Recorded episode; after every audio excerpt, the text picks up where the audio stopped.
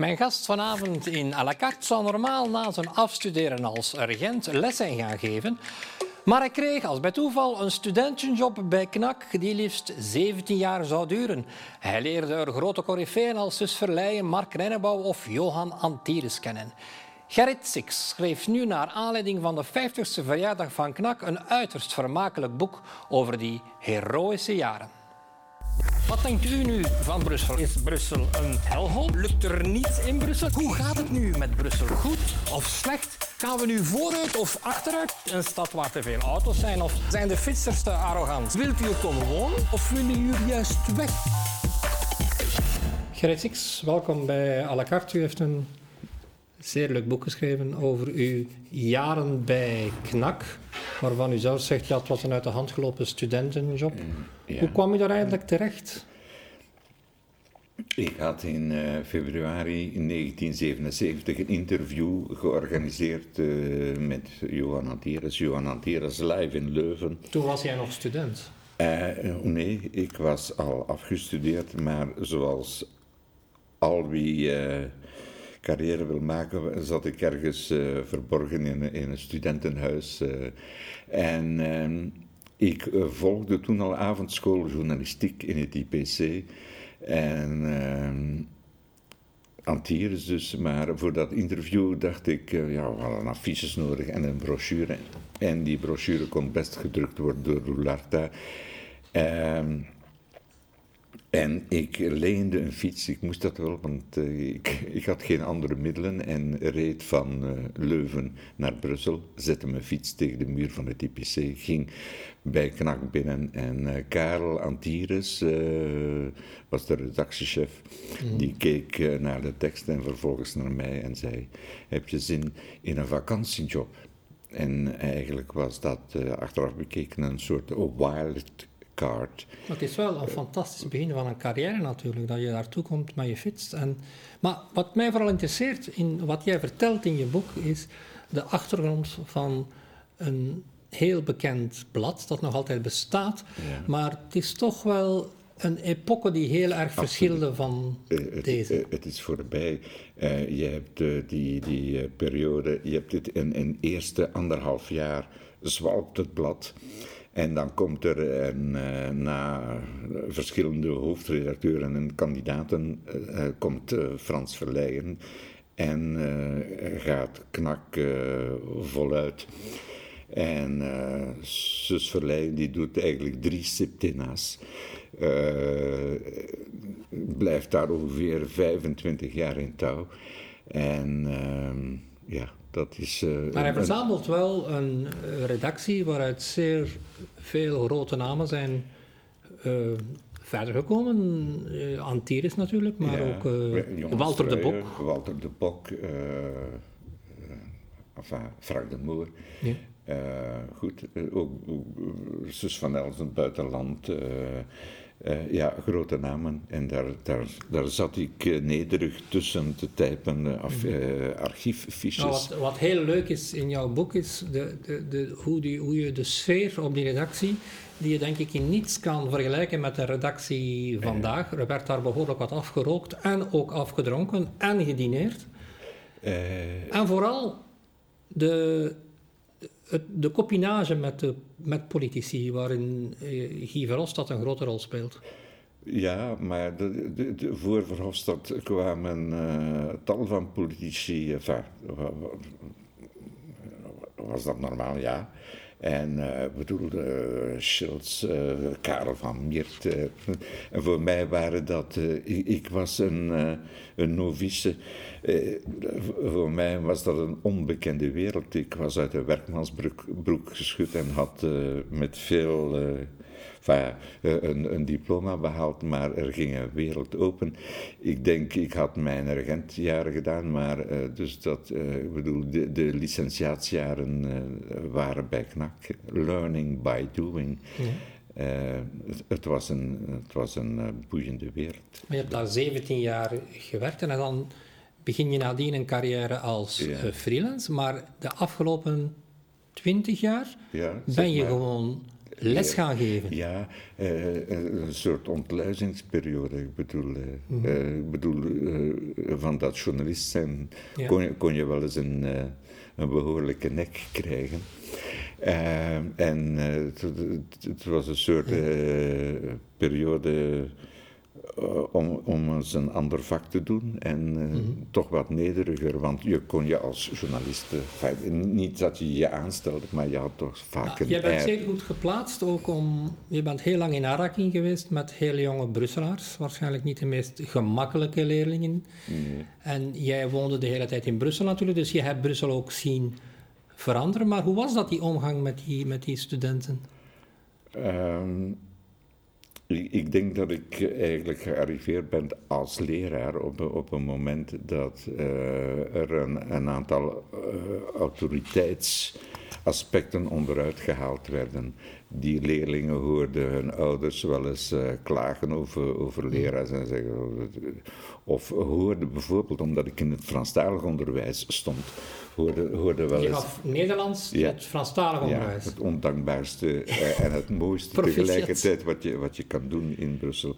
Um, Hoe heb je dat zo lang volgehouden? Uh, door uh, theater te spelen. ik bedoel, iedere, iedere les was een optreden. Uh, en het mooiste compliment wat ik gekregen heb is in, was in het, een paar jaar geleden in het metrostation van, in Anderlecht. komen een paar rakkers zo voorbij geschoren en Monsieur Six, Monsieur Six, de koekjes zitten in de koekjesdoos. het is al een prestatie voor een Franstalige om, om, te, om te, zeggen, om niet te zeggen, zoals in de Frans, les biscuits sont. Er zijn in de, ik zeg, betekenisvolle werkwoorden. Staan, liggen, zitten, hangen. En dat hadden, en ik zeg, vous avez au moins retenu quelque chose. En dat, ja, maar dat je hebt nu toch wel een heel goede kijk. Je hebt dat moeilijke vak gegeven, het Nederlands, uh, aan, aan, aan dus Franstaligen, of mensen die zelfs niet goed Frans spreken. Anderstaligen. Uh, uh, en, hoe is jouw kijk daar nu op eigenlijk? Want het is toch een... Er je hebt zelf een, een woord ervoor verzonnen, de de kut uh, Brusselaartjes? Dat, dat heb ik destijds. En, en het spijt me eigenlijk van. Uh, bedoel, maar toen, toen uh, was het nodig om een beetje op te vallen of wat. Um, ik heb een optimistische en een pessimistische visie. Mijn pessimistische visie is dat jongeren, en, en, niet alleen in Brussel, ontbreekt aan. Um, uh, het ontwikkelen van belangstellingen, van passies, van, ik bedoel... En, dat is het dat is pessimistische. Ja. En nu komt het optimistische? De optimistische is, ik heb ook in het Nederlandstalig onderwijs lesgegeven. En mijn, uh, mijn optimisme is, als ik, als ik op, een, op een ochtend op de tram zat en een uh, een Afrikaanse jongen was met een uh, Spaanse jongen in het Nederlands aan het praten, want ze hadden, ze hadden maar één gemeenschappelijke taal en dat was het Nederlands. En dat waren leerlingen die naar een mm. Nederlandstalige school toe reden uh, met de tram. Mm. Dat, dat was iets waar. En ik denk, uh, goed, uh, ik ben on, vader van onderhand dertigers, maar ik heb ze gevolgd in een hele ontwikkeling en ook de, de scholen, want ik was niet alleen leraar, mm. ik had ook eigen kinderen die naar school gingen. Maar wat is het, nu eigenlijk het grote verschil tussen een, het Brussel waar jij kan wonen bent? Als je jonger was en het Brussel van nu. Je hebt twintig jaar met jonge scholieren gewerkt, dan moet je toch een beeld over hebben. Ik, ik denk niet dat er zo'n zo ontwikkeling is. Ik zie wel dat de, autoriteiten van, de, autoriteit van de leraar afbrokkelt. Uh, maar dat, dat is zo langzamerhand gaan dat, het, uh, dat, dat ik geen echte evolutie zie. Maar uh, wat ik zou willen zeggen over jongeren en Brussel is dat wij spreken hier vaak over uh, de probleemjongeren en probleemwijken en zo. Dat ik een oproep zou willen doen aan um, um, de, de, de, oudere mensen en, en mensen die uh, opleidingen genoten hebben en die uit, bijvoorbeeld uit de Maghreb, Maghrebaanse ja. achtergrond, tweede, derde en misschien vierde generatie, dat die wel eens willen opkomen om dingen op orde te stellen. Maar... Je, je, vindt dat dat nu te weinig gebeurt? Dat, die, dat de gemeenschap in feite te weinig betrokken wordt bij het onderwijs en bij de problemen van jongeren? Eh, ja, En ik, ik vind dat je. Ehm, dat eigenlijk in alle gemeenschappen moeten mensen die uh, het woord kunnen voeren, die autoriteit hebben, opkomen voor een gemeenschap. En ook voor de fouten die er bijvoorbeeld door jongeren in een gemeenschap gemaakt worden. Dat is het model wat in Rotterdam wordt uitgeprobeerd, waarbij in moeilijke wijken de ouders echt heel actief betrokken worden, zelfs opzichter worden op moeilijke pleintjes waar ja. drughandel is en zo. En die ouders hebben dan, of de ouderen uit de gemeenschap, hebben dan een een zekere autoriteit die hier in Brussel wel, wel ontbreekt, denk ik. Ja, niet alleen van de ouders, want uh, ik, wat ik altijd belangrijk gevonden heb, is oudercontact. En wat, wat ik merkte was dat er uit een aantal, uit bepaalde gemeenschappen helemaal geen ouders kwamen opdagen. Ik bedoel, uh, dat, uh, maar ook, ik bedoel ook dat men. dat eigenlijk mensen uh, met diezelfde achtergrond, dat intellectuelen, en dokters en, uh, en, mm. en, gestudeerden um, eigenlijk moeten uh, een aantal verantwoordelijkheden nemen. Dus niet alleen, niet alleen de ouders, als rolmodel kunnen optreden voor jongeren ja, want dan heb je rolmodellen, dat zijn meestal voetballers. En uh, mm -hmm. je, moet dat, je moet dat rolmodelarsenaal uh, iets verruimen. Ja, eigenlijk zeg je, het zou heel goed zijn als jongeren zien dat ze hun best doen op school, dat dat tot iets kan leiden, ook voor mensen van binnen hun eigen gemeenschap. Ja, ja. En ik denk, uh, bedoel, ik, ik, wacht op het moment dat. ik, ik wou nog iets zeggen. Ehm, vanuit uh, andere gemeenschappen heeft men geprobeerd, eh, hebben geprobeerd, en zijn er ook gelukt, in, om in de politiek te stappen. Maar uh, vaak in uh,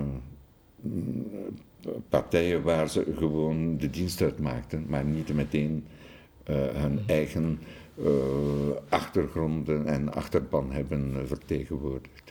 Mm -hmm. Jij vindt dat dat te weinig gebeurt, nogthans in vele partijen zijn mensen met een migrantenachtergrond actief?